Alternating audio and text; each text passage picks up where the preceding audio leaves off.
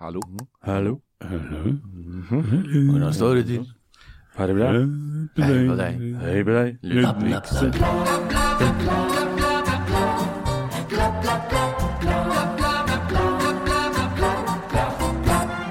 Hvorfor kan ikke såkalte kunsteksperter bare like som kunst som vanlige folk liker? Og hvorfor blir folk så galne når noen sier høyt at alkohol er farlig?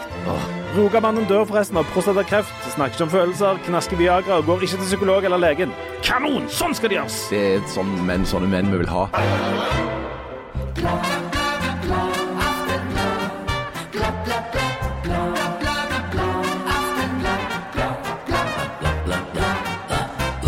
Hjertelig velkommen til det største comebacket siden Jesus. Hurra! Jeg er ikke helt god. Det er ingen av oss, men vi er bedre enn vi var sist uke. Åh, ja, Sist uke var det ikke særlig sprekt. Nei, det var jo en tragedie. Dere er så tandre, sykelige og svakelige. Jeg er, Jo, takk. jeg er den nye rogamannen. Jeg går jeg, stort sett Jeg har ikke tid til å gå på jobb, for jeg går til psykologen og går til legen. Jeg, Og jeg gjorde ikke det, men jeg gikk veldig mye hjemme og kjente på, på følelsen av, av eh, altomfattende eh, livslede. Ja. Mens jeg er den klassiske rogamann. Jeg bare biter tennene sammen, kjenner ikke for godt etter å stille opp. Helt alene, hjelper ingenting. Ja. Og Og jeg du, får eksem i hele ansiktet. Stå på. Fordi Fordi jeg er veldig sliten. Og det der fuckings julevinterlandet i Sandnes hjelper ikke akkurat på, kan jeg fortelle. Hvorfor ikke det? Fordi at de Altså, unnskyld meg. Den eh, natt til mandag så gikk julelandet på Midt på natta. Vinterlandet, mener jeg. Altså lyd De har, de har en sånn grælig scene med noen sånne vanvittige høyttalere. Sannsynligvis fordi at de der Stavanger-kameratene skal ha en konsert der i løpet av desember. Stavanger-kameratene har du ikke skal ha hørt om de? konsert i Sandnes. De er jo praktisk talt fra Sandnes. Uansett. Um, han er, Altså, midt på natta så begynner det sånn ho, ho, ho. Og jeg er sånn, hvem er det? Er Som det er, er det naboen? Ho, ho, ho. Nei, og så var det prating og liksom musikk, og jeg skjønte ingenting. Og så når jeg våkna, så skjønte jeg jo at det var Vinterland som hadde stått på hele natta. Ja, for det var Og kuk i computeren, Ja, så fikk måtte- jeg høre i, i Stavanger Aftenblad. Ja, så jeg ble jo tvunget til å være en sånn person som ringer kommunen. og være sånn 'Hallo, er dette Servicetorget? Jeg har en klage.' Og de er sånn 'Ja, beklager, det skulle ikke være på eh, om natta.' Så ja, nei, godt å høre. Og så dagen etter så var det jo det samme mirakelet en gang til. Da slo de det riktignok på klokka sju, men det gjorde meg Men jo med sju, du må jo komme i gang med Altså, dagen. det var Men du bor jo en kilometer vekk fra lydkilden. Ja, så dette er hvordan Klippen uh, lyd, uh, Lydforum klarer å få til synes, så bra lyd. Det er jo helt uforståelig. Jeg syns julen kom tidlig til Sandnes i år. Altså, det var et spektakel uten like. Og liksom det er All I Want for Christmas, det er liksom Is you? It's you. Men jeg, jeg har hatt gleden av å gå over- sur. Jeg har hatt Ja, gleden av å gå over ruten eh, både i går og i forgårs, eh, og høre på lyden av Vinterland. Og, og jeg syns det var veldig koselig, fordi at jeg kom spaserende fra toget og skulle bort på rådhus og snakke med noen folk. Og der var det masse små, uh, søte unger eh, som var ute og skøyta på den skøytebanen, mens Jokke og valentinerne sang høyt. Har du et kjøleskap, har du en TV, har du alt du trenger for å leve. Ja. Men hva, God jul. den lyden jul. du våkna til, var det på en måte nissen, Det er noe sånn eh, Kenny de har Retore lagt som sa inn- ho, ho? Ja, det kan godt være, men det var i hvert fall de har lagt inn noe sånn prating som jeg tror jeg kanskje er mellom nissemor og nissefar. Altså, de har en, en slags er det en, dialog. er det en prat for ungene? Midt på natta. Sånn, Midt på natta. Pillow, pillow talk. I totida, da begynner nissefar og nissemor å snakke. Altså, jeg, var jeg, for jeg trodde jo det var noen narkomane. Eller alkoholiserte folk som vandra rundt i Sandnes og ropte ho, ho, ho. Så jeg, jeg aner ikke hva den dialogen går ut på, men det er i hvert fall ubedt. Jeg tipper at det er en podkast, for det er voldsomt inn med podkasten, har jeg hørt. Og så har sikkert julenissen og julenissemor de har starta sin egen podkast. Ja, de snakker om julenisseaktige ting og juleforberedelser og alt det der. Jeg er i hvert fall kjempesur allerede før julen har, eller desember har begynt, og i tillegg Er det marr? Ja. For jeg har jo Og bestilt ikke var det det! Jeg har bestilt julekort for Sverige. Hæ? Hvorfor? Ja, det har jeg sagt før, for de har veldig fine julekort der. Og så Skal jeg si hva jeg måtte betale? For de er ganske dyre. Du er jo så enormt rik. Jo, men i år Det er jeg jo. Ja, For jeg har jo jobbet mye. mye. Eh, altfor mye. Ja. jeg måtte betale tolv i år, plutselig. Hæ? Tull. For de der julekortene. Nå er de jo kjempe... Det er verdens dyreste julekort. Jeg kan snakke Hvorfor må jeg betale tolv for de Fordi der du bestiller de der forgylte julekortene med rubiner og Nei, men er det noe nytt? Det er fordi det at verdien nytt? på det er over 350 kroner. Jo, men jeg har aldri betalt tolv for det før. Nei, men det er for den norske krona er jo ikke verdt noen ting lenger. Han er på, han er på nivå med sånne zimbabwiske fnuts og sånn. Altså det, det er liksom Krona er jo ikke verdt en puck. Men det er jo den norske staten som får tollen. Det er jo ikke svenskene. Nei, det er Jo, men de sender den videre som en form for nødhjelp. Men jeg tror, jeg, tror at de skulle, jeg tror de skulle sette den grensa til null, leste jeg en Ja, annen plass. At tror- nå skal du betale toll ifra, Uansett. ifra Ja, ja, ja. For det er jo sånn at hvis du bestilte under et eller annet, så var det eller 250 Du skal også betale toll hvis du ikke bestiller noe, Ja. som en slags straff. Ja, altså, jeg hater samfunnet. Ja. Så fuck off, Fuck og off, samfunn. snakkes Har du fått deg sånn gule vest? Nei, du Skal du ta på til gatene for å, å demonstrere og tenne fyr på bildekk og jo sånn? dum, jeg var sammen med andre. Jeg kan ikke gå rundt og tenne på bildekk alene. Men du må jo se på henne. Hun har ikke fått noen gul vest, hun har fått på seg eh, den røde strikkegenseren med masse hvite sauer på, og altså, et sort får. Hvis det er én plass i Norge du kan gå rundt alene og tenne på bildekk i sentrum, så må du være Sandnes. Nei, vet du, jeg orker det ikke det, faktisk. Jeg har bare lyst på fred og ro. Er det for mye å be om? Ja, det, Ja, ja, ja. Før jul så er det faktisk det er dårlig tid for fred og ro. Men vi, vi må jo òg anbefale den julenissepodkasten eh, som julenissen og julemor har. Ja. Den heter jo 'Julenissen på kjerringa'. Ja. Kjempegod. Men han, og den, hvis du ikke finner den, så kan du bare møte opp midt på natta på Sandnes på Ruten. For der går han som regel på. Pitch en idé. Ja. Vi lager den podkasten. Skal vi lage den? Vi lager den i løpet av desember, skal vi ikke gjøre det kan vi gjøre. Det kan vi gjøre. At vi kan ha det som et segment. Det kan vi gjøre. Vi starter i dag, har ikke tenkt på dette før, men vi starter mot slutten av sendinga. Ja, hvis, hvis, de, hvis den lyden går på om natta en gang til, så kommer jeg til å sette fyr på de der høyttalerne. Det lover jeg i hvert fall. Og så vidt jeg har forstått det, i Sandnes er det flere altså, Det dere må være godt oppmøte, for dette ble ikke veldig godt mottatt. Den der lyden Men av altså, eh, du Vinterland må midt på love en én ting, Janne. At hvis du gjør det, hvis du drar ned på Ruten midt på natten en av de nærmeste dagene for å sette fyr på høyttalerne på Vinterland, Eller med motorsag. så må du få noen til å filme det. For det må vi legge ut på Instagrammen vår. Er det max content? Det er max content.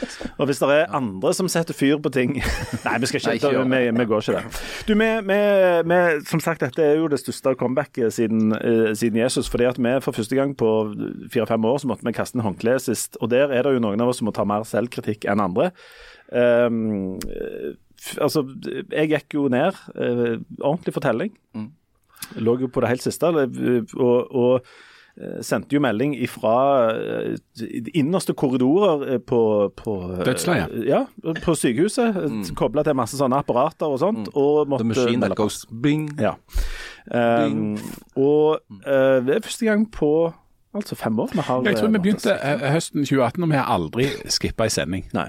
Jeg sto på, på Sola, hadde vært og fått eh, boardingkortet mitt ut av den maskinen på flyplassen og skulle til Sverige på noe greier. Og så skjønte jeg at dette ville være fullstendig uforsvarlig. For det at da hadde jeg, da kom, det var full omgangssyke med alt det innebærer. Hadde du det? Ja, ja. Å nei. Sånn at jeg gjorde vi en vennereis. Til bråsnudde på Sola. Jeg tenkte jeg kan jo ikke dra, sitte på et fly. med- Nei, det kan du ikke. Og, og så komme, dra og gulpa. og så komme Gulpa. fram til Stockholm og så glede mine syv kolleger som skal på festmiddag i, i, i Stockholm med, med liksom Var du såkalt dobbeltlekk? Ja, Ja, du var det, ja. jeg var Ja. Jeg var. Så, så det var jo også- Fortell. Nei, men, men det, det, var, det som var, det var jo at jeg vet jo ikke om, om, det, om jeg kommer meg hjem. Altså med taxi, for dette På verdig vis. ja, jeg kunne, altså Flybussen var uaktuelt. sant? Det tar for lang tid, og det, det, er, ikke, det er ikke do der. sant? Altså, Men der er det jo drosja. nei, så En drosje kan i det minste bare stoppe. Ja. Er det din telefon det? Jeg skulle hatt en bil til Sola flyplass. Jeg trenger en sånn med toalett. Uh, ja. Jeg vil gjerne bestille en drosje med dritepose til uh, Stokka. Fæle greier. Men, og mens du på en måte var, var lekk i alle ender, så lå jeg hjemme øh, på det siste. Jeg, på et tidspunkt så hørte jeg familien gå ut på gangen og, og øve på 'Den nærmere deg, min Gud', som jo alltid er et godt Den er veldig fin, da. Den er veldig fin. Og så kom de inn til meg og spurte om det var flere vers, eller om det bare var det ene. Men var det koronas? Nei, Eller var det noe annet? Altså, for, for det er jo sånt dilemma nå. Skal, ja, skal en teste seg nå, eller skal en ikke teste Ja. seg? For nå går det masse sykdommer, Ja. influensa og det- Hva er fordelen med å teste seg? Ingen, Ingen. har jeg inntrykk av. For det, altså, og, og de som kan dette, eh, de sier jo ikke 'test deg', noe som jo fører til at folk springer rundt og tester seg. Hvorfor sier de at du ikke skal Fordi gjøre at det? er ikke er noe vits. Altså, Ja. Hvis du får korona, så er det sånn mm, OK, da har du det. Ja. Um, og det er godt mulig det var det, det var det jeg hadde. Jeg var i hvert fall enormt uh, enormt sjuk, Altså helt sånn uh, hjelpeløse. Var det noe sympati å få? Eh, Overhodet ikke. Nei, det er jo aldri det. Eh, men, eh, og det er det jo sånn når, når menn blir syke. Og da er det jo selvfølgelig og, Altså, jeg var faktisk så syk at jeg vurderte å gå til legen. Det gjorde jeg jo selvfølgelig Det var ikke. utypisk for en rogamann. Nei, nei, jeg, jeg gjør ikke det, vet du. Hvor Eh, mange det skulle tatt dager varte dette? nei, jeg eh, dager og dager, fru Blom. Altså, jeg var litt nede for telling et par timer på tirsdagen. Litt gjesen på onsdagen, men, men jeg hadde det jo veldig vondt inni meg. Og, i sted, og altså, Alternativet til å gå til legen er jo å sende en e-post til legen, og det gjorde jeg jo selvfølgelig. selvfølgelig. ja. Til dr. Thorsen. Fordi at eh, jeg ble jo beskyldt for dette manflu. At, at Av omgivelsene. Fikk du òg Ja. høre det? Jeg òg fikk høre Ja, ja, ja. Og så tenkte jeg at uh, da, da gjør en jo sånn en gjør, en sender en e-post til vår huslege dr. Thorsen og spurte rett og slett om blir menn sykere enn eh, kvinner, eller er det bare det at vi skaper oss? Uh, og Dr. Thorsen svarer jo selvfølgelig umiddelbart, så jeg tenkte jeg skulle lese det svaret. ja, det er fint. Og Det kommer litt statistikk etterpå. ja, Dr. Thorsen er jo da en ekte lege, vår huslege, Mm. som vi konsulterer i medisinskfaglige spørsmål som vi gjerne ikke kan svare på. svaret hun kom med når det gjaldt den mannlige overgangsalderen. Nei. Jeg minner dr. Thorsen om. Og det, og det blir ikke bedre her.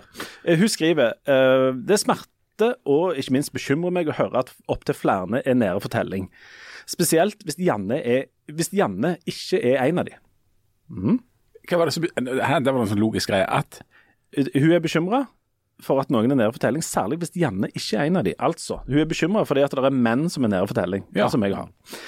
Menn er nemlig det svake kjønn når det kommer til immunforsvarets respons på infeksjoner. Forskning tyder på at menn har et svakere immunforsvar enn kvinner, og dermed blir både sykere og har lengre sykdomsforløp enn kvinner. Dette har eh, man også sett bl.a. hos mus og fugler. Det er flott sammenligning med oss. eh, Hei, det er ikke meg. Faktisk er dødeligheten ved luftveisinfeksjoner som covid og influensa høyere hos menn enn hos kvinner, og forløpene er ofte mer alvorlige. Under pandemien så man f.eks. at 75% av covid-pasientene på intensivavdelingene var menn. Særlig utsatt var middelaldrende menn og eldre voksne menn. Say no more, Altså sier hun. Ja. Det er på en måte meg, det. Ja, ja. Ok, og så, Årsaken til kjønnsforskjellene er ikke helt avklart, men mye tyder på at både gener og hormoner har noe å si. At kvinner har to X-kromosomer øh, å spille på, og menn kun har ett, kan være av betydning. I tillegg kan hormoner spille en rolle, som f.eks. Bladblads-redaksjonens nemesis testosteron og østrogen. Det ser ut til at tross for at kvinner har færre naturlige drepeceller i førstelinjen sin i sitt immunforsvar, er disse mer effektive når det kommer til å ta knekken på inntrengere. Så ja, det er forskning som tyder på at menn faktisk blir sykere enn kvinner grunnet et mindre robust immunforsvar. Dette utelukker ikke at menn smører litt tykt på i tillegg. Selv om det Ja, altså ser den. ut til å være unødvendig. Ja, sant. Nå får vi den. Dette er eh, nok en svært mager trøst for dere som ligger og raller og svetter, og muligens er svært nær slutten bare i kraft av å være mann. Håper dere står han av og er på plass igjen til neste uke. God bedring. Hilsen dr. Thorsen. Jo, takk. hva, du, det, det, Nå må vi, må vi bringe statistikken her. Ja. Fordi at Hvis det er sånn at eh, menn er svakere og har dårligere syke, eh, altså immunforsvar og blir sykere enn kvinner, hvordan kan det ha seg at kvinner har dobbelt så høyt sykefravær som menn i arbeidslivet? Korrigert for dobbeltarbeid og graviditet og det barnerelaterte. Og det er bare, i- i- har ingenting med syke unger å gjøre. Ingenting nei, med graviditet. Ingenting. Nei. Nei, altså, Det er en teori da om Det at, er at eh, damer rett og slett bare er unnasluntrere. Ja Jeg, Eller- jeg vet ikke om jeg orker Nei. å ta Jeg denne det diskusjonen i dag. sånn. Eller så kan det være at, de, at damer når de er syke, faktisk blir hjemme. da.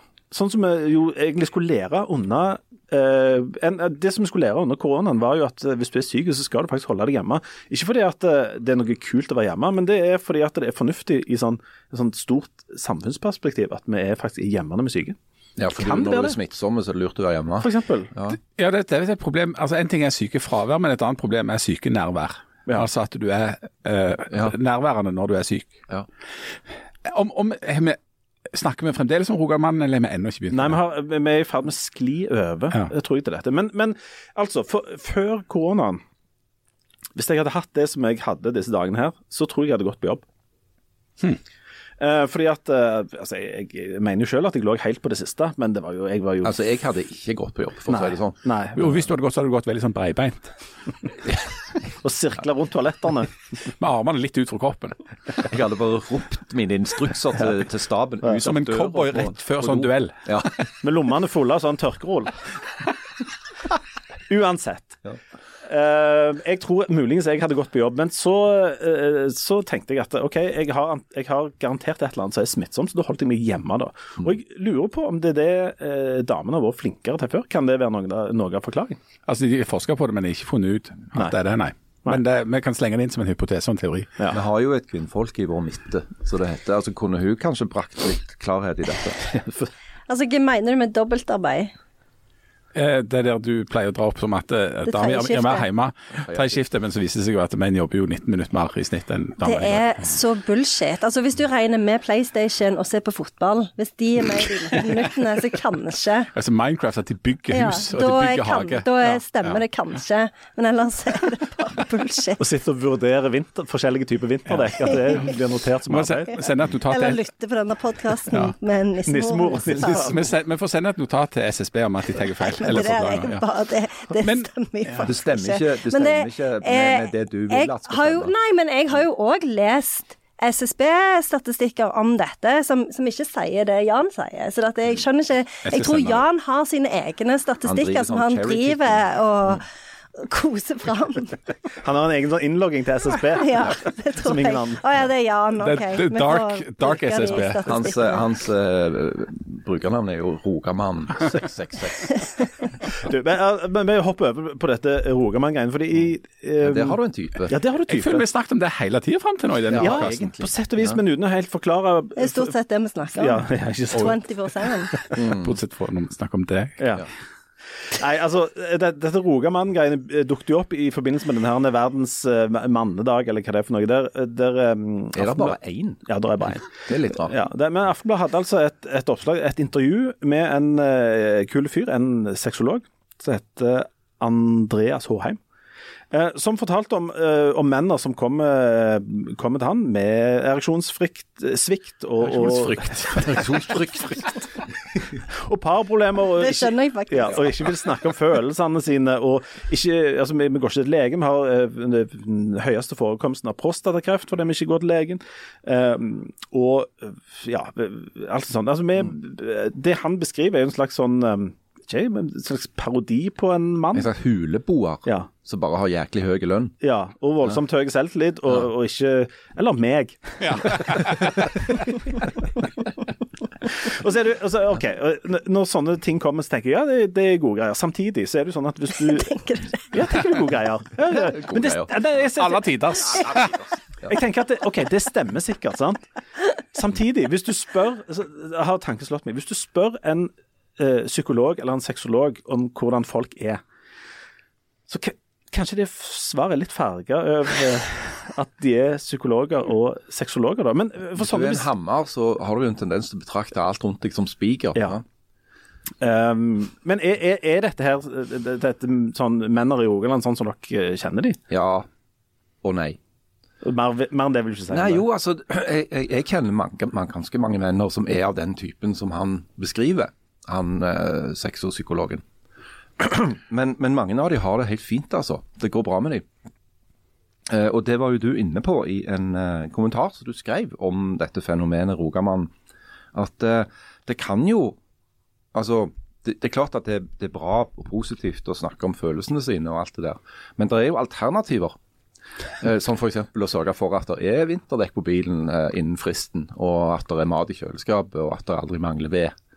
Eh, og at det går an å uttrykke eh, omsorg og kjærlighet på andre måter enn de hyperverbale eh, delekulturgreiene som blir dyrka fram av de som tror veldig på å snakke om alt hele veien.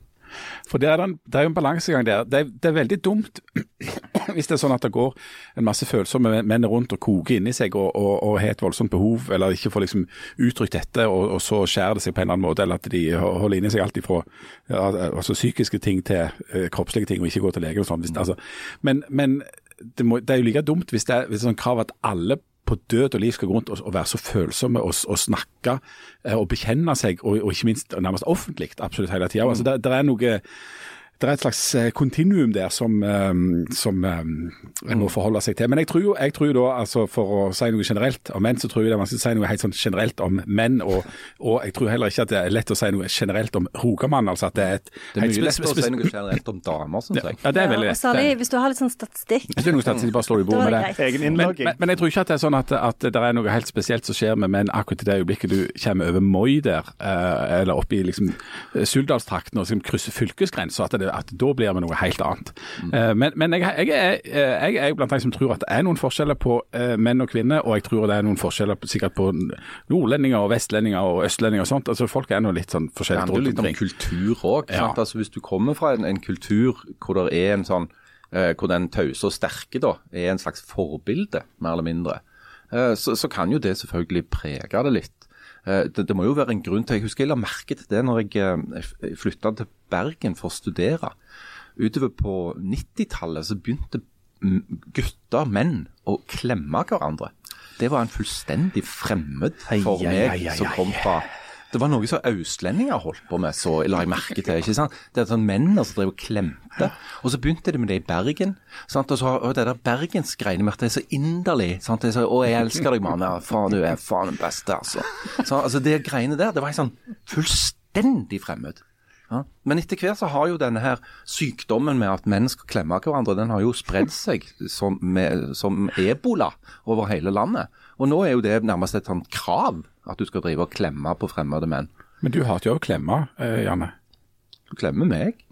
Klemmer du? Jeg vet ikke. Jeg vet ikke lenger om jeg gjør det. Men jeg, jeg- kan jeg si noe annet? Ja. Eh, Fordi eh, Rebekka Solnit, hun har jo skrevet eh, Hun er jo en sånn en eh, kritiker, et samfunnsdebattant. Det var hun som Hva skal jeg gå videre?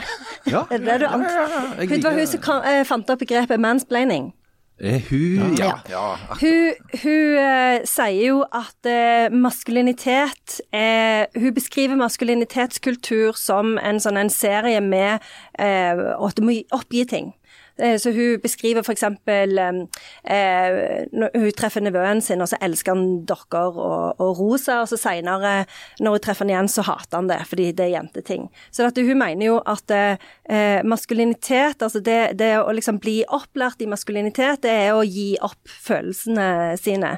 Eh, og det er jo noe som, som en gjerne sånn feministisk teori eh, generelt har, har satt i sammenheng med utviklingen av bysamfunnet, særlig på slutten av 1800-tallet, når du eh, treng, hadde behov for eh, nye yrker som politi, eh, brannmann, eh, og da eh, var det jo sånn at du måtte på en måte legge mer vekt på de eh, å ikke ha følelser, og være modig og fryktløs og eh, sånne ting, eh, og, og en, på en og en ble oppmuntret til å legge lokk på følelsene sine så mye som mulig.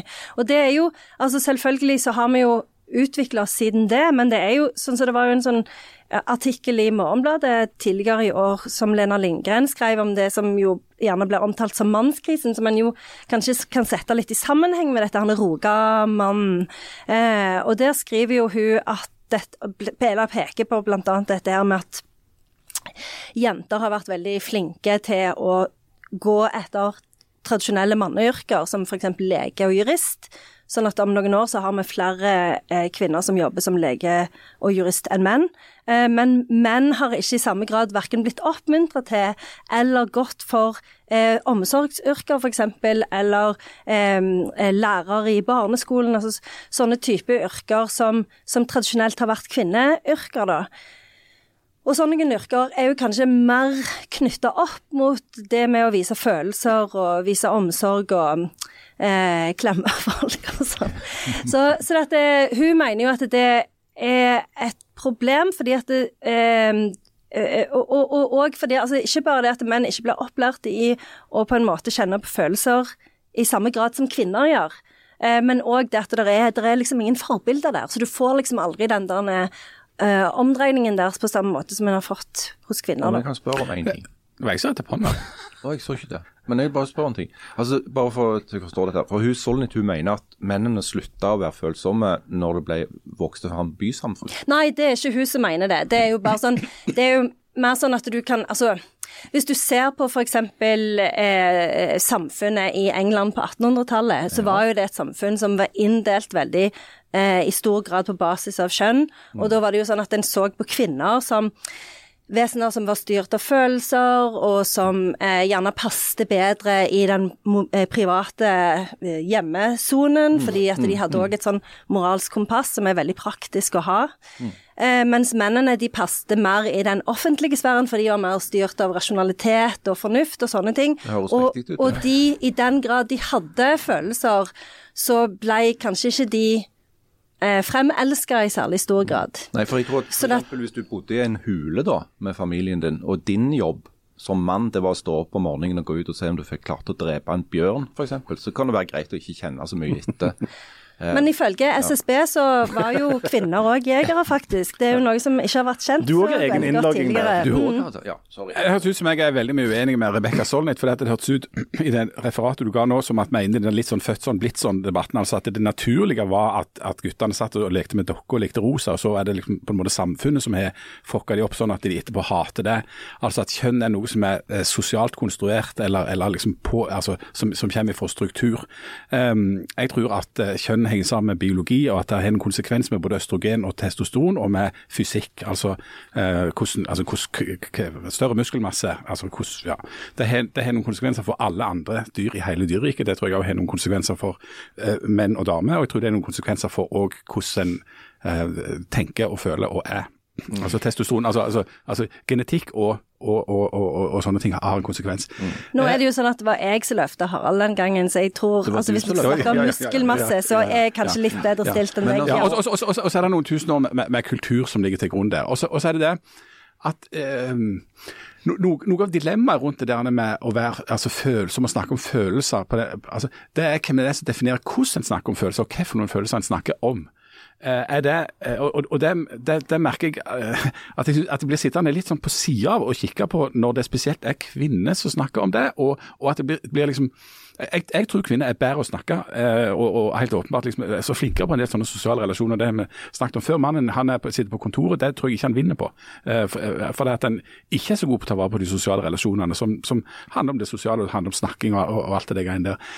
Men, men jeg tror det er urealistisk at mannen skal snakke om det akkurat sånn som damer vil at han skal snakke om det. Det kan godt hende at mannen, som jeg tror du Leif Tore er inne på i den kommentaren, viser følelser eller, eller eh, handler i lag med sine relasjoner på en måte som er en annen måte enn det som er å sitte ned og, og, og ta på følelsene sine. For, eh, det, altså, det, det som slår meg når, når, når sånn For dette er, er jo en sånn mediedrev en, en del ganger. sant? Menn og følelser. og Det er jo ikke måte på hvor mange sånne artikler. Og det tror jeg er bra, da, at, at det er menn som snakker om at de har hatt det vondt, har hatt det tøft, har gått igjennom vonde ting. Med sånne ting som vi ser utslag på i selvmordsstatistikk og alt sånt. Og at det er mange menn som ikke enten går til f.eks. psykolog som trenger det, eller som får plass. Altså sånne ting. Og, og, men altså Eh, Og dette preger tror jeg, mer personlighet enn kjønn ofte. Men den tingen som slår meg når jeg, når jeg eh, leser sånne ting, det er at for, eh, Dette handler om meg, da. Sånn som jeg er. Hvis, når folk spør meg eh, ja, hvordan har du det, og jeg sier det går helt greit, så opplever jeg ganske ofte at folk ikke tror helt på det. Mm. Um, og så sier jeg sånn ja, de, de ser deg, og så ja, tenker de Men du har det, men, du har det men, men, men, du, men det er sikkert noe tungt og vanskelig. Og så tenker jeg Nei, egentlig ikke. Jeg syns det går greit. Eh, Det, det, det humper går. Det er en eh, stødig firer. Og så er det sånn Jo, men hvis du tenker litt etter, så Hvis vi graver dypt nok her, så, så klarer vi å finne noe. Kjenn bedre etter. Kjenn bedre etter. Og, det, eh, og jeg skrev, har jo skrevet en, en kommentar liksom om, om, de der, um, om de andre mennene, da. Som ikke er de der som er i den store gruppa, der det er mange som på en måte ikke får hjelp. Men det er noen andre der. Og eh, fordi at jeg begynte å tenke på en del sånne egenskaper som jeg tror um, det òg er en sånn litt sånn eh, underskatta verdi. For eksempel, altså, jeg mener jo at det er en, en, en sterk menneskelig egenskap å kunne trekke på skuldrene og tenke sånn ja, ja det går gjerne over. Eller um, rett og slett bare ikke ta seg så nær av ting, ikke kjenne så veldig godt etter sånt. og Det blir litt sånn, sånn corny ting å si når vi vet at veldig mange menn sliter med veldig mye. Men det er den andre sida av dette her. I tillegg så har jeg en sånn, stadig en sånn snikende følelse av at det er en del ting som er ganske sånn vanlige, og sånn som blir Heter det psykologisert? Jeg i hvert fall kalle det for det. Ja. Eller sykeliggjort. Sy sykeliggjort, ja. F.eks. det med at du, du, du opplever motgang. Som jeg tenker, ja det er helt vanlig. Er, vi har vel alle masse motgang, eh, histen og pisten. Uten at vi nødvendigvis at det, det trenger være noe annet enn litt motgang. Så har du gjerne det tirsdagen, onsdagen, torsdagen, så går det gjerne over på fredagen. Um, Det er mye som går over på fredagen. ja, og den følelsen der tror jeg Den følelsen der tror jeg Og dette er sånn svogerforskning, da, men jeg kjenner ganske mange menn som har det litt sånn at uh, ja, det går egentlig ganske greit. Og så blir de egentlig ikke trodd fordi at de klarer ikke uh, Altså det er ikke på en måte eh, materiale for en sånn fire timers eh, samtale om dette. Eh, liksom Stjerneeksempelet mitt er jo når vi reiser, eh, kjører til hytta. Eh, og det har gjerne vært stille i bilen en time, og så kan kona spørre ja, hva, hva tenker du på? Og så svarer jeg som er helt ærlig, absolutt ingen. Jeg har ikke tenkt en tanke siden Figgjo. Og, eh, de tror deg. og det er helt sant. Nei, jeg, De tror du lyver. ja, ja, eller, eller at du bare ikke tenker godt nok etter. Men sånn er det. Jeg har ikke tenkt noen ting. Nei, altså um, jeg, jeg har en, en liten gjeng med ganske gode, veldig gode kompiser som av og til drar uh, avsides um, for å være litt sammen. Uh, men det, og det samværet det, det består jo ikke så fryktelig mye av sånn snakking om følelser, men det stå, består for en stor del av fra- praktisk arbeid, Uh, ispedd litt snakk. Uh, der du på en måte kan lure det snakket litt inn, Uh, der det nå passer, liksom. Eh, men ikke i for store porsjoner, og på en måte, gjerne med en viss sånn ironisk distanse. Men at du kan kanskje lure inn et eller annet av de såkalt store spørsmålene. Eh, men, men du må ikke gjøre det for Det må ikke være liksom for brutalt. sant? Det må, må lures litt inn. Det høres, ut som noe for du nissepodkasten. Ja, det er noe for nissepodkasten. Men du, der er, der, der er jo, blir jo ofte tegna som bilde av sånn menn i Rogaland, og det har sikkert med liksom hele sånn kulturen å gjøre, som en sånn stille og mutt type som bare går og graver i jorda, og, og så går inn og setter seg og eh, i beste fall ikke banker kona. Er, er det er, er dette sånn litteratur og film og sånn pop, populærkultur sin skyld, eller hvor kommer det der bildet ifra? Om sånne stille, stille menn som, eh, som ikke er i kontakt med seg sjøl, eller, eller Nei, jeg vet ikke, men det er vel litt sånn som du sier, at det kommer vel fra en sjøl. altså, en kjenner OK, det- hva slags type er jeg sånn, ja. eh, lager. Ja. Men um, Men også, om, om disse tingene òg handler mer handler egentlig ikke så mye om kjønn, men om sånn rett og slett personlighetstrekk. For jeg kjenner en del damer òg som er sånn ja. Eller jeg, jeg vet ikke. Eh, Men, men jeg tenker liksom at Jeg syns ikke at det eh, Jeg syns det er en fordel å kunne uttrykke følelser, og jeg tror liksom det er en forskjell på å ikke kjenne så mye fordi at en har det helt greit. Eh, og, og, og jeg syns jo altså det er jo En snakker jo ofte nå om liksom sånn love language. I hvert fall har jeg hørt at mine barn snakker mye om det.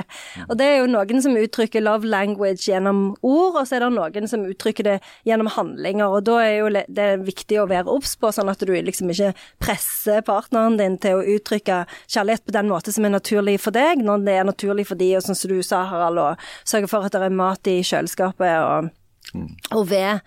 Ehm, så, så, så jeg tror nok at Jeg tror nok at Altså, det kommer jo selvfølgelig an på Det kommer an på Altså, nå er vi kanskje litt sånn her på Vestlandet. Altså, vi er jo forskjellige fra de på Østlandet, sånn som du òg sa, Harald. Og, og, og jeg tenker òg at det har, med, det har med kjønn å gjøre, det har med mange ting å gjøre. Men jeg tenker at det er gjerne ikke dumt likevel å være litt oppmerksomme på at en kan oppmuntre både Altså gjerne gutter Hvis en eksempel eh, ser på Det har jo blitt gjort en del sånne undersøkelser på på um, eh, hvordan oppdrar en gutter og jenter. Eh, og da er det jo sånn Et eksempel som ofte trekkes fram, det er liksom det der hvis, hvis jenter dette, så løfter du de opp, og så er du sånn 'Å, var det vondt? Få se, fikk du liksom hull på buksa di?' Ja, og sånn. Men hvis gutter dette, så tar du de opp, og så er det sånn 'Kom igjen, spring videre'. Så det er jo, det er jo klart at det, eh, der, der er jo forskjeller i hvordan en opp oppfostrer gutter og jenter i en gitt kultur, og jeg syns ikke det skader å oppfordre gutter til å snakke og kjenne på følelser. Det, det syns jeg ikke er problematisk i det hele tatt. Jeg, tror, jeg tror vi må justere for tidsdimensjonen her, for det har jo skjedd noe i Norge da, de siste 50 åra um, som bryter Eller de siste 50-60 åra, eh, som bryter med sånn som det var før. Altså Det var jo et helt annet og veldig tradisjonelt kjønnsrollemønster før, der eh, far gikk på jobb, eh, grovt sagt, og mor var hjemme og, og, og liksom tok seg av heimen og ungene og, og det der. Eh, og så har det rett og slett endra seg radikalt. sant? Eh, jeg snakket om dette før, at på Eh, På et visst tidspunkt så var det bare menn omtrent som tok høyere utdanning. Nå er det et klart flertall av eh, damer som gjør det. Og sånn at Kjønnsrollene er i veldig endring. Eh, damer har eh, gått ut i yrkeslivet, tatt over, de har jo tatt over de høgstatusyrkene lege og jurist, men det er jo ikke den samme flokkinga fra eh, kvinner til mannsdominerte lågstatusyrker i eh, privat sektor. Så det handler jo litt om skolegang og sånt. Men, men, men alt dette har, har, har stilt noen nye krav til mannen, ikke minst. For at eh, kvinnefrigjøring som altså Jeg støtter 1000% at, at kvinner har gått inn i yrkeslivet og har blitt noe mer enn en den der øh, rollen- husmora. husmor, som, en, som liksom for 100 år tilbake i tid. Topp stemning. Men det, og, og de åpner voldsomme muligheter som er kjempebra for damer, og det er kjempebra for samfunnet og det er kjempebra for alle ting.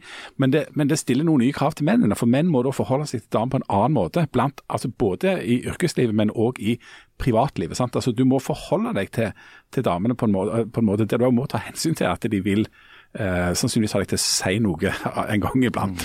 Og så gjelder det å finne denne balansen, da. sant? Men, men eh, ja. Ja, for det jeg kjenner av og til på en liten sånn en frykt for, for matriarkatet, om det går an å si det på den måten. Altså fordi at du, du får, Hvis du får en situasjon hvor eh, Hvis vi antar at det er noe som er mer kvinnelige egenskaper enn andre, da.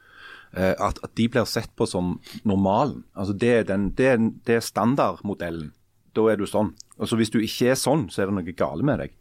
Eh, som bekymrer meg litt. Grann. Og, og så er det også sånn at jeg kjenner en god del damer som noen av de kjenner jeg enormt godt. Så syns det kan være litt stress Ja, altså syns det kan være litt stress med venninner. Fordi at de alltid insisterer på den der delingen av hemmeligheter og delingen av privat informasjon. For det er en form for tillitserklæring. Sant? Hvis du er ei god venninne, så skal du snakke om de innerste ting. Du skal gjerne snakke litt drit om typen din.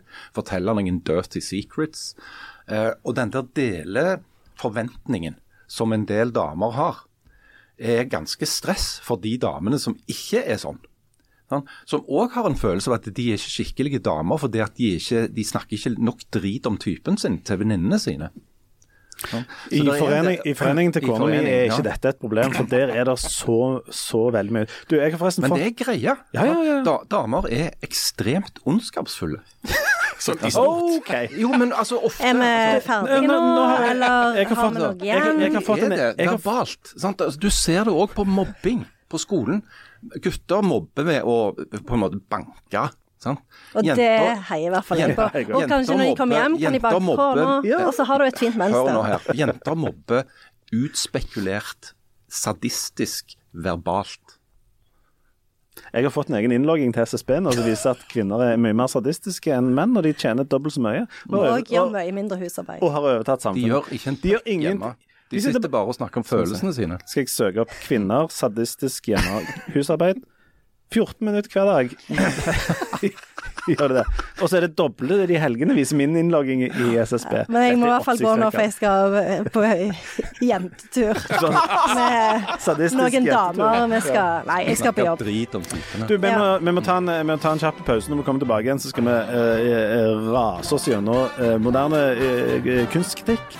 Eh, litt om alkohol og bitte litt om eh, parkering. Skal vi se hvor langt det er. Snakkes. Og hjertelig eh, velkommen tilbake. Før vi går løs på eh, skutemaleriene og, og kunstkritikken som vi må snakke litt om, så skal eh, Harald Birkevold få lov å snakke i, i nokså i fred i tre minutter om, Om parkering. Hæ, parkering? Ja, Parkering. Å ja, ja, ja. Fordi, ja, Du må forklare bakgrunnen, og det inkluderer de tre minuttene. Vær så god. Ja, eh, De holder på å bygge et nytt sykehus i, eh, i Stavanger. eh, Langt ute på landet, et sted mellom Stavanger og Sandnes. Så imot rådene til absolutt alle. eh, Kommunen og fylkeskommunen og alle innbyggerne og alle som jobber på sykehus og sånn, så fant de ut at de skulle bygge et nytt sykehus eh, på landet. Eh, det ligger der nå på, på, på Grannes, eh, sånn halvferdig. Ingen vet egentlig hvor tid det blir ferdig, for de har ikke penger til å bygge det. Så det er topp stemning. Og bare for liksom å krydre denne stemningen enda mer, da, så fant eh, statsforvalter Bent Høie i sin uendelige visdom ut at eh, legevakten som òg skal ligge der ute i Veidå, eh, den skulle det ikke være lov å parkere på.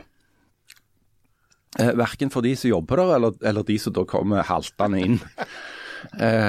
Så, og Det skapte en viss forundring hos både de ansatte og de framtidige brukerne av denne institusjonen. De halte og blinde. De halte og de blinde, for det at de så eh, mørkt på å måtte eh, sette seg på elsykkelen sin med sprukken milt og, og utlagt tarm og, og, og, dra ut til et eller annet sted i nærheten av Sandnes for å få litt eh, tilsyn. Eh, Så det, det vakte eh, det, det, det var såpass opprørende at det til og med avfødte en lederartikkel i Stavanger Aftenblad som stilte noen spørsmål rundt fornuften i dette. Um, og ikke så mange timer senere så uh, steg da Bent Høie uh, på ny ned fra, fra fjellet med noen tavler, hvor han da hadde uh, hogd inn det absolutt motsatte. Det var absolutt ikke sånn ment at folk skulle Så, så han sa altså hvis jeg forstår Bent Høie rett, så var det sånn at han mente ikke noen ting av det som han skrev i går. Eh, der han skrev at det, det, det er for mange parkeringsplasser, det må bli færre. Tvert imot så mente han at det, var ikke, det, var, det måtte være absolutt må være så mange. Så, så det er veldig flott. Han er et renessansemenneske. Han, han, han kan ha to tanker i hodet samtidig. Ja, men Det høres mest ut som en venstremann. Ja, på mange måter. Han er jo høyremann. Ja, eller ja, altså, ja. Han kan vel ikke være høyremann lenger nå. Nei, nei, nå men, Men enden på denne visa er at du trenger ikke uh, på en måte Når halve hjernen din ligger ut forbi, eller ja, sånn, Øyre har datt ja, av. så trenger du Ja. ikke sykle til legevakten i framtida. Du, kan- du kan bli kjørt. Bli kjørt. Uh, og du kan til og med sette bilen fra deg en liten stund. Det koster sikkert sånn 700 kroner minuttet eller noe sånt, for det er jo MDG har, har jo vært inne i bildet. Men, men uh, det er nok muligheter i alle fall til å få satt fra seg bilen og krøpe inn mens du silblør. Uh, og det er jo bra. Det høres litt ut som uh, sin kunstkritiker Trond Borgen etter å ha vært sett uh, bildene til Ivan Storm Juliussen. Um, Nå skal vi, skal vi inn i, eh, i, i kunsten og kunstkritikken. Jan, du var jo på besøk hos eh, Storm Juliussen når, eh, når han uh, tok med skutemaleriene sine inn i et uh, forriktig galleri. Fortell om uh, mannen og bildene og det hele. Ja, altså på lørdag så var jeg på eh, utstillingsåpning på Kino Kino i Sandnes. Kino Kino det er et eh, anerkjent offentlig galleri eh, som har altså da invitert inn eh, Ivan Storm Juliussen, marinemaler, som ser, ser, ikke omtaler seg selv som en kunstner, men som en tradisjonsbærer, som altså maler eh, synkende seilskuter eller eh, dramatiske landskap fra kysten, får vi si, i en eh, tradisjon som du ve- vel finner mest av sånn på midt på 1800-tallet, eh, cirka. Um, det å ta han inn på det galleriet er en eh, kontroversiell handling. Utstillingen heter Storm, og, og kurator Karin Sundre har sagt at de forventer storm. Eh, Fordi at det er kontroversielt å ta inn en fyr som ikke eh, har vært Som ikke er en del av det gode selskapet. Han er ikke utdannet kunstner, han eh, er ikke medlem i noen kunstnerorganisasjon. Og hver gang han har vist fram et bilde, så har en samla kritikerstand sagt at dette er noe drit. Det er kitsch. har de sagt. drit. Og, men når jeg var der på åpningen, da var det jo da var det stappfullt av folk. Det var mer folk enn det pleier å være på en ut, utstillingsåpning på Kino Kino. Eh, masse folk, eh, masse begeistra folk som syns dette sto riktig godt til. Eh, de satte pris på å se og kunne forstå hva, det var bilde av. De uh, syntes det var dramatisk, flott, godt malt, flott lys, alt det greiene der. Så der var det voldsomt god stemning. Det var det ikke uh, på mandag, når Aftenbladets kunstkritiker Trond Borgen møtte opp og skulle vurdere dette. Og Han skrev en, en anmeldelse som han ga terningkast én, uh, og sa at dette var kitsch, som altså da ikke er kunst. Um, eh, altså en type maleri eller en type kunst som Eller det er ikke kunst, det er, det er Pynt. liksom pynt. Glorete pynt. Glorete pynt, rett og slett. Uten kunstnerisk verdi. Glorete glorete pynt uten enhver kunstnerisk verdi. Ja, og dette har da avfødt en, eh, en, får vi si, en engasjert kunstdebatt i kommentarfeltet og på Facebook, der eh, stort sett alle idioter erklærer denne Trond Borgen eh, av de som deltar, eh, mens de som er kunstutdanning har jeg ikke sett så mye av i de kommentarfeltet der. Sånn at eh, der, der, eh, der anklager de jo han for å vise null respekt til denne, til denne Storm Juliussen, og, og, og, og gjør dem å idioterklære da Borgen, så de er omtrent akkurat like gode eller dårlige når det gjelder dette med respekt. Og dermed så har du to fløyer som sitter i hver sin sin skyttergrav og skriker til hverandre, og du er inne i en debatt som er egentlig forutsigbare og ganske gammel, som handler om det folkelige og ukompliserte versus elitens smak innenfor kunsten. Eh, og, dette, og dette var nøyaktig målet til galleriet å få i gang en debatt om, men det viser seg at det er vanskelig å debattere det, Jan, at du ser har peiling på kunst og kritikk og alt i hop. Hvorfor, hvorfor er det enten eller, og hvorfor klarer en ikke å finne en slags mellomposisjon eller en måte å snakke om dette på? Eh, jeg vet ikke, men det er jo veldig sånn Jeg så jo ut eh, på eh, Aftenbladet så er det jo sånn at du har eh, Det hadde bilde av den kritikken i går, og så er det jo sånne kommentarer som ruller ned. Og det var veldig Blant annet en kommentar hvor det var sånn da er vel bryllup i Hardanger òg klitsj. Så liksom, det var så mye, mye Du trenger ikke akkurat å være rakettetterforsker for å skjønne dette her. Pluss han heter vel Brudeferden, men Ja, anyway. nei, ja, ja. Så, eh, men eh, jeg syns at det var Jeg måtte bare slå opp Kitsch, fordi at jeg syns at eh, det var Altså, på enda for, for kitsch er jo ofte noe som Altså, det ble jo sånn som du sier, at det ble jo eh, gjerne sett på som en sånn motsetning av kunst, fordi at det, eh, det er eh, det er glorete og uh, pynt. Og, det, og det er jo det han Trond Borgen òg skriver, at det er ikke noe dybde. Så det, det, det du ser, er det du får. Det er ikke noe sånn som Det er ikke et objekt som på en måte eh, lager noen form for ettertanke. Det er ikke noe sånn du trenger å tolke, det er ikke noe motstand. Og det er vel det en tenker ofte at kunsten skal gjøre, enten det er litteratur eller, eller billedkunst eller hva det er. At det skal skape en eller annen slags form for, for reaksjon utover at at liksom dette er em, fint eller, eller stygt, eller Men så er det jo, har du jo den her, For jeg syns bare leste litt om Odd Nardrum. Han hadde jo en sånn en eh, eh, eh, hva var det, en utstilling, eller hvor han, hvor han definerte Han definerer jo sin egen kunst som, som kitsch. Og han mener jo at det, som er forskjellen på hans kunst det er at det, og, og, og eh, vanlig kunst, er at det, vanlig kunst der har du en slags, slags sånn ironisk distanse, da. Mens, mens i kitsch-kunsten, der har du liksom en sånn vilje til å håndtere de store spørsmålene. Hva han sier? Han sier det er eh, eh, døden, kjærligheten og soloppgangen. Det, det er liksom noe som Kitchen er, er opptatt av å Pa patos. ja, patos, rett og slett. Og han er vel kanskje inne på noe der, for det er jo Altså, hvis det er sånn at det skal skape en slags refleksjon, en meditasjon, en liksom eh, en eller annen slags form for prosess i deg, så er jo det noe annet Det er jo noe som er knytta mer til det rasjonelle enn det liksom umiddelbare emosjonelle, da. Ja, det, jeg leste nettopp i en bok, jeg husker ikke hvilken. Bibelen? Bibelen? Kanskje det var Bibelen, nei jeg tror ikke Bibelen. For det der sto der, det var litt sånn, det var litt sånn ironisk sagt, men det var, liksom, det var mye som tyder på at eh, folk med lav utdanning er veldig glad i våte dyr. Ja, det er ikke i Bibelen. Det kan jeg garantere. 100. Altså, I så det- fall altså, er det et av de der brevene. Elg, elg i solnedgang, han står alltid ute i et vann. Og det samme gjør den hjorten, ikke sant. Og den ulven. Det er alltid de- liksom de ute i vannet. Men det er jo noe med den diskusjonen som fascinerer meg. For det, det, det handler om de der posisjonene som folk inntar. Eh, Som du kan se i en litt sånn større sammenheng. da. For på, Jeg la ut et lite halvhjerta forsvar for, for Trond Borgen bare som, som kritiker, for jeg synes det er litt rart. Altså, en, en, når, du, når du anmelder noe, om det er et teaterstykke som Jan gjør av og til, eller mat som jeg gjør av og til, eller en konsert som Leif Tore gjør, eh, så er jo ikke det noe annet enn en mening. Men i beste fall så er det en kvalifiserte mening, for du, har, du mener noe på grunnlag av at du har en del erfaring med f.eks. å spise på restaurant eller gå på konsert. Eller lese bøker.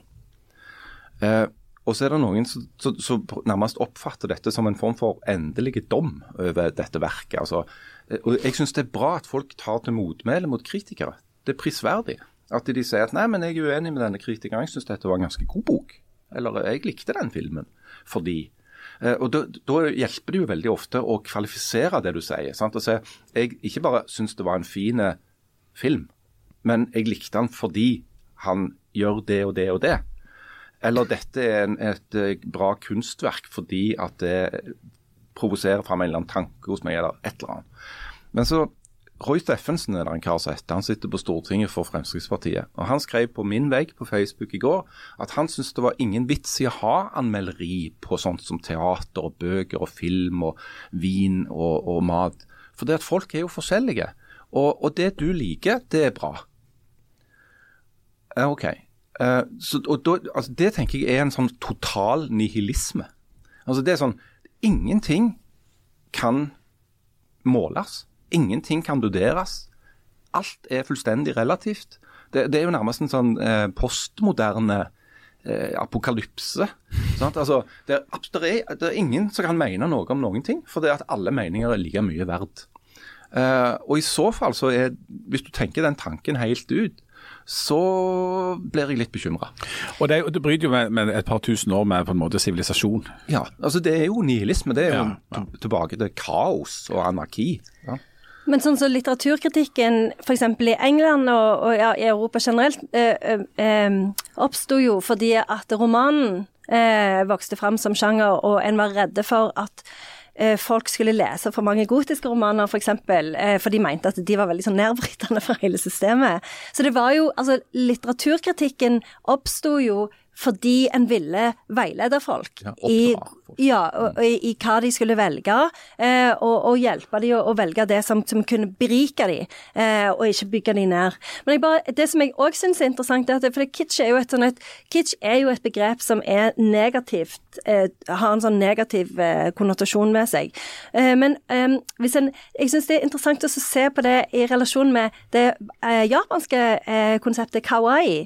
For det er jo, kawaii er jo noe som, som, som eh, For kitchen er jo liksom masseprodusert og, og, og, og, ja, lett å like og sånn. Og det er jo kawaii, og kawaii er jo det derne søte japanske uttrykket som, som prega f.eks. Når, når japansk kunst hadde sin inntreden i det europeiske markedet og kulturen på slutten av 1800-tallet, så skapte det jo veldig sånn stor fascinasjon fordi at det var veldig sånn barnlig, det var veldig sånn eh, lite og, og, og søtt, da. Mm. Eh, så, så um, Og det er jo òg litt sånn det som er negativt med Kitchen, kanskje, at det er litt sånn, det er litt sånn barnlig. Det er litt sånn i, i de der bildene til Hans som Juliussen, så er det jo en slags, en slags sånn nostalgi der, nesten. Um, I det der brytningen mellom det lyse og det mørke, og skuter og sånn. Så, uh, og, og, kawaii er jo noe som er veldig positivt. Uh, uh, altså Det har veldig positivt fortegn i det japanske samfunnet, men det er jo òg noe av det som eh, en har brukt for å kritisere det japanske samfunnet, fordi at en sier at det er sånn superflat. Eh, og, det, eh, og, det, er jo f.eks. noen som har sagt at ja, det, altså Japan er så opptatt med kawaii, en slags sånn, sånn forsvarsmekanisme. altså kan de, de, har ikke tatt skikkelig oppgjør med andre verdenskrig, de har bare brukt kawaii for å liksom beskytte seg mot alt det som er negativt og vondt i verden. Så det, det, jo, det har jo liksom litt med sånne ting òg, altså hva livsanskuelse du har, og, og, om du er liksom villig til å ta oppgjør og forholde deg til ting, eller om du liksom bruker f.eks. kunst da, til å liksom søke tilflukt og gjemme deg litt. da. Og jeg tror det handler veldig mye om, om, ulike forventninger til hva kunst og kultur skal gi deg for noe, mm. eller hva som er poenget med det. Eh, da tror jeg at for veldig veldig mange folk så er, det, så er de ute etter pynt og underholdning, og at noe ser fint ut, og at du forstår det, og at det er liksom lett for deg. Du er den samme diskusjonen hver gang det er en gatekunstfestival, f.eks. Det, det er ganske lett tilgjengelig. da. Mm. Og, og, og, og det er det veldig mange folk som setter pris på, at de får eh, servert dette. Mens den mer, eh, altså den høykulturell eller finkulturell eller utdanna uh, type smak, uh, syns det er uh, litt sånn ja, det er, for lett. Det er, ikke, det er, liksom ikke noe motstand der. Du skal ha motstand, og det skal strike litt imot, og du skal liksom eh, ja, du skal liksom ha et sånn opplevelse eller noe som, som beriker deg, da, og, som er mer avansert. Og, og, og, der uttrykket ofte er så avansert at mange av de uten den utdannelsen eller treningen i det, ikke får det med seg i det hele tatt. Du skal være ganske godt utdannet og ganske langt inne i det for å kunne forholde deg til en del moderne visuell kunst, ikke minst sånn konseptkunst. Performancekunst. Dette har jeg skrevet om. Ja. her, når du går på en sånn uh, den type kunstutstilling sant? blant disse her feinsmekkerne, så får du presentert med noen sånne eh, latterlige babling Ja. i, i disse heftene, som åpenbart må ha vært, eh, vært skrevet for å ekskludere så mange som mulig. Det skal være så vanskelig å forstå som overhodet mulig. Ja, og det, og, og det er ikke jeg for. Og, jeg mener at jålespråk der som på en måte er, det kommuniserer ikke, og det, er, skjuler sannsynligvis at det er dårlig tenkt. Men for, for liksom å vende tilbake til Nerdrum og igjen folkets bedømmelse av kunst. for det at Nerdrum er jo for også veldig opptatt av, av håndverket, altså eh, hvordan du rent teknisk maler, om du er gode, en god maler. Mens mye av den moderne kunsten vil folk si ja, men herregud, det er bare noen som satt noen pinner eller hengte opp en, en kassalapp. Det, det, altså, det var et verk som Kagge viste fram borte i Oslo, som var altså en, en kassalapp. Så han hadde gått på Rima, Re, Rema eller et eller annet, så han kjøpt noe varer, så hadde han hengt opp den lappen. Altså at det er prosessen, den kunstneriske prosessen, det, det er ideen, konseptet, som er, som er, som er poenget. Og for, for en, Hvis du ikke er inni det og har lest det ganske godt opp for det, så virker jo det helt meningsløst og helt absurd. Ja, Du kan ikke tegne i hånden engang. sant?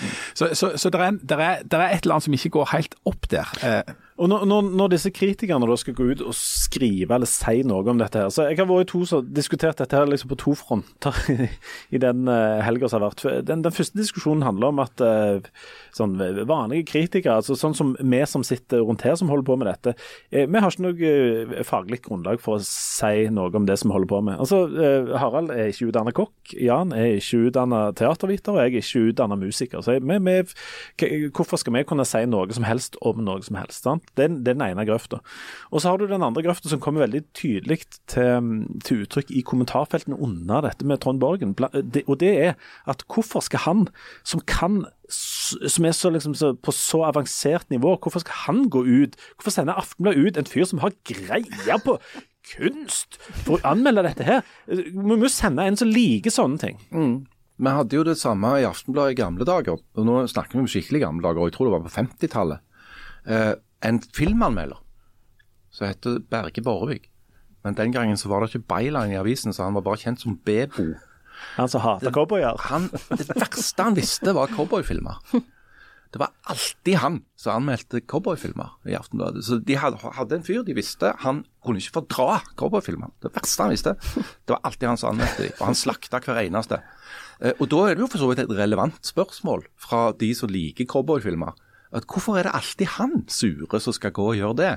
Så jeg ser at vi har en kar i, i, eh, i vår midte, se han heter Leif Tore Lindø eller noe sånt. så eh, hvis, det, hvis du hadde f.eks. hata rock, det verste du visste, du likte bare samtidsmusikk og gjerne litt sånn soft jazz. Hvorfor var det du skulle, alltid skulle anmelde rockekonserter? Altså, herregud, for noe drit. Men for å slutte sirkelen der, da er det jo sånn at når du da tar Ivan Storm Juliussen inn i et offentlig ja. galleri som Kino Kino, som er et samtidskunstgalleri, så hever du han opp på et nivå, og du gir han en stat, eh, status. eh, Du gir, gir han innpass på en institusjon der aviser sender kvalifiserte kunstkritikere og vurderer dette kvalitativt som kunst. Det er en av konsekvensene av å ta han inn der, istedenfor at han arrangerer noe privat på Klepp rådhus. Ja, og det Trond Borgen gjør, det er jo at han gir han terningkast én, som egentlig er et signal om at jeg vil ikke vurdere Altså, dette vurderer jeg ikke som kunst, og det er jo det som kommer fram av den anmeldelsen òg, for han bruker jo hele anmeldelsen til å snakke om kitsch generelt, og så bruker han det siste avsnittet for å si at dette ikke Egentlig så burde det jo er vært kunst. terningkast null. Sant? Fordi, altså, egentlig så har hun sagt at dette har ingenting med, med min skala å gjøre. Dette er utenfor mitt vi er jo litt sånn ute i, kalkuneriet her, sant. Altså, Jeg har jo tenkt litt på, på, på disse bildene til, til Storm Julestad. Jeg, jeg har uh, intervjua han eh, et par ganger, vært hjemme og sett disse bildene. Og så har jeg tenkt eh, Hva syns jeg om eh, disse tingene? Og jeg har jo tenkt, og det, har med min personlige smak å gjøre jeg, eh, altså Når det er så langt ute i denne kitchen da, som, som det ble snakket om her. Jeg kunne godt tenkt meg hatt et av de bildene, for jeg syns det er liksom så så ute, litt sånn, sånn, sånn ellevilt, eh, enkelt og patosfullt, at jeg syns det er litt tøft. Altså, det, Da er du over i campen. ja, det, det, det bikker, bikker over litt, grann, sant? Så er det jo ironisk distanse til det, og da er det, det er distinksjonen mellom kitsch og camp. Ja. Da blir Odd. Nerdrum grelig forbanna. Ja, Han blir sint, da. Ja, for da er du, har du jo den distansen. Det er jo nettopp det han er imot. Jeg syns Ja. at bildene til Ivan Storm Juliussen er helt forferdelige. Ja. Oh, ja, Eh, ja. Men jeg, jeg liker noen av bildene til Nerdrum. Kanskje rett og slett på det at jeg syns kanskje han er bedre enn maler. Jeg vet ikke. Men, men jeg syns det er helt jævlig. Vi har et flott bilde hjemme som er eh, brude, den brudeferden i Hardanger. Bryllupet i Hardanger. Bryllupet i Hardanger. Bru- i Hardanger. Brudeferden i Hardanger, bortsett fra at de har putta Jesus òg oppi båten. Fordi at han styrer båten. Han er jo alltid bra, ja. Og da går det bra. Ja, Mm, og, og da går det, bra. og det bildet er så spinnvilt at det syns jeg, jeg synes er helt nydelig. Veldig, Ja, men det, da er det camp. Sant? Det er jo når du tar noe som du vet er drit og henger det opp, og så uh, ler du litt Ja. for deg sjøl. Ja. Det er camp. Og for å framstå mer intelligente enn det du Ja, selvfølgelig òg også er. Men burde, eh, for å bare avslutte dette, burde mm, Når det kommer en utstilling sånn som dette, burde på en måte Aftenbladet som, som avis bare latt være å gå? For det er jo et alternativ å bare si at nei, dette her er Nei, ikke noe som holder på. absolutt ikke. For det, det som har skjedd nå, selv om Jan har jo helt rett i at denne debatten i stort er ganske kjedelig, fordi at det er de samme Altså, det er jo ikke noen forsøk på på en måte å nærme seg hverandre, de to fløyene. Men innimellom der så er det kanskje en verdi i at folk faktisk snakker om dette her. Um, det, det, jeg så iallfall ikke den komme for eh, fire-fem dager siden. At det, det skulle, den store snakkisen blant Aftenbladet sine tusenvis av abonnenter skulle være kunstkritikk. Den, og det, meg, det er litt oppløftende. Det er oppløftende, og det viser, og, og da har jo galleriet lykkes med akkurat det de hadde Ja. lyst til. De hadde lyst til å få en debatt om dette. og det Dette er fikk du en- til, Karin. Ja, En naturlig ting at det foregår i det som jo kanskje er Rogalands viktigste kulturinstitusjon, egentlig. omtrent. Stavanger Stavanger Aftenblad. Kjempebra. Og det er kult at, det, at og, og det er noe bevisstgjørende rundt det, da, selv om, om debatten er gammel og, og går gang på gang og akkurat like. Men uh, Det er jo ikke avis, det er jo egentlig bare sånn kitsch-blad. ja, ja, altså bare sånn, ja, ut. ja. eh, Det var en som skrev på, på samme igjen på Facebooken min i går, at uh, eller han trua, faktisk, det var en trussel, Uh, at uh, han syntes det var så dumt å sende Trond Borgen for å anmelde Ivan Storm Juliussen, at han skulle personlig anmelde Stavanger Aftenblad eh, som om det var en russeavis. Som det jo er. Som mange måter. Jeg, min favoritt-kunstkritikk er alltid eh, når du bare, Hvis du bare blar lenge nok, så kommer du til de som er på sånn- med, med capslock på. Bare tar det Mal noe sjøl, da! det er min favoritt. Det, det syns jeg er nydelig. For at det er jo, det er jo eh, Hvis ikke du kan gjøre det sjøl, så, så Ja. Det kan jo være et godt alternativ til å snakke om følelsene dine, at du bare maler de. Det er det Du bare maler de, smører de, med sånne smører de utover på et lerret. Men du har jo òg den motsatte, at mm. dette kunne fireåringen min ha gjort. Dette har fireåringen min gjort. To pinner i kryss, ja. ja det har jeg gjort, eh, det har jeg gjort mange ganger. Men jeg kaller det ikke kunst. Det er kunst Så vender jo alle tilbake til han der som har stappet maling i rumpa og så eh, driter ut og lager Ja. noe sånt. Han bæsjekunstneren. Ja. Ja. Men det er jo det, det som jeg frykter mest med sånn kunst, det er jo at du får sånn kunst som gjør at du må ha lange samtaler om hvordan du føler det inni deg. Det er jo det verste. Hvordan du følte det akkurat når du malte. Ja, eller at du må at Du ser på en måte på, på noen som har f.eks. hengt en linjal oppå ei gardin, og så må det, skal det liksom ha sånn klangbunn når du har funnet ut at eh, du hadde det vondt når du var liten og sånn. Det virker veldig stress. Da vil jeg heller dø av prostatakreft, tror jeg. Det virker, Ja. virker mye enklere. Det er enklere det liksom, eh, enn å diskutere diskurs i kontekst med en eller annen magister. Det ble veldig mye. Ja, det blir litt mye. Har, eh, har du eh, k- k- Bare tilbake igjen til, til Vinterland og Sandnes før vi gir oss her. Hva svarte kommunen? Lovte de at alt dette aldri skulle skje igjen? Jeg fikk en tekstmelding, og de sa det skal aldri skje igjen. Det var etter første, når det var midt om natta. Så skjedde det igjen. Og så sa de ha en god før, førjulstid. Og så, men de hadde jo rett, for det skjedde jo ikke igjen. For det var jo ikke midt på natta, det begynte jo klokka sju dagen etter. Og Da skal jo folk ha kommet seg opp uansett. Men jeg var liksom sånn Det var helt Det var, det var så drit som du liksom står der og har lyst på en litt sånn rolig morgen, og så er det liksom bang, du- bang! Og så eh, kjente jeg liksom at jeg ble litt sånn som hun der fru Vold plutselig, i Jul i Svingen. Sånn som ringer til kommunen hver dag for å klage for at det er for mye jul. Men du, der er, altså, det er jo kun én Jeg støtter fru Wold. Der er kun, det er kun én gang sånne litt sånn sirkus og tivoli Når det plutselig går på av seg sjøl. Det er ikke et godt tegn i eh, filmer der veldig mange dør. Nei, og, og det, Det fikk jeg en sånn Det var litt sånn Gremlins-følelse. det var det. Så jeg eh, er jo eh, Det høres ut som den følelsen jeg får hver gang jeg hører Den jækla bilen kommer kjørende og skrur på eh, norsk dans der på, terning, eller på, på volum På 11. Terningkast 1. Ja, terningkast 1, volum 11. Ja, Hva grunnlag har du til å kritisere isbilen? Du er jo, eh, du er jo ikke en isbil. Lag din egen is, da! Den isen kunne jeg lagd sjøl. Ja. Ungene mine kunne faktisk lagd den isen. Isbilen Du som har spist så mye is, bør ikke uttale deg om isen til vanlige folk. Fart. Oi, så du drømte egentlig det må bli en is. Så nå er du bare eh, sur og hevngjerrig fordi all is, liksom. Jeg skal reise til Mexico. Ja, du skal til Mexico. Hvorfor skal du til Mexico? fære på tur til Mexico.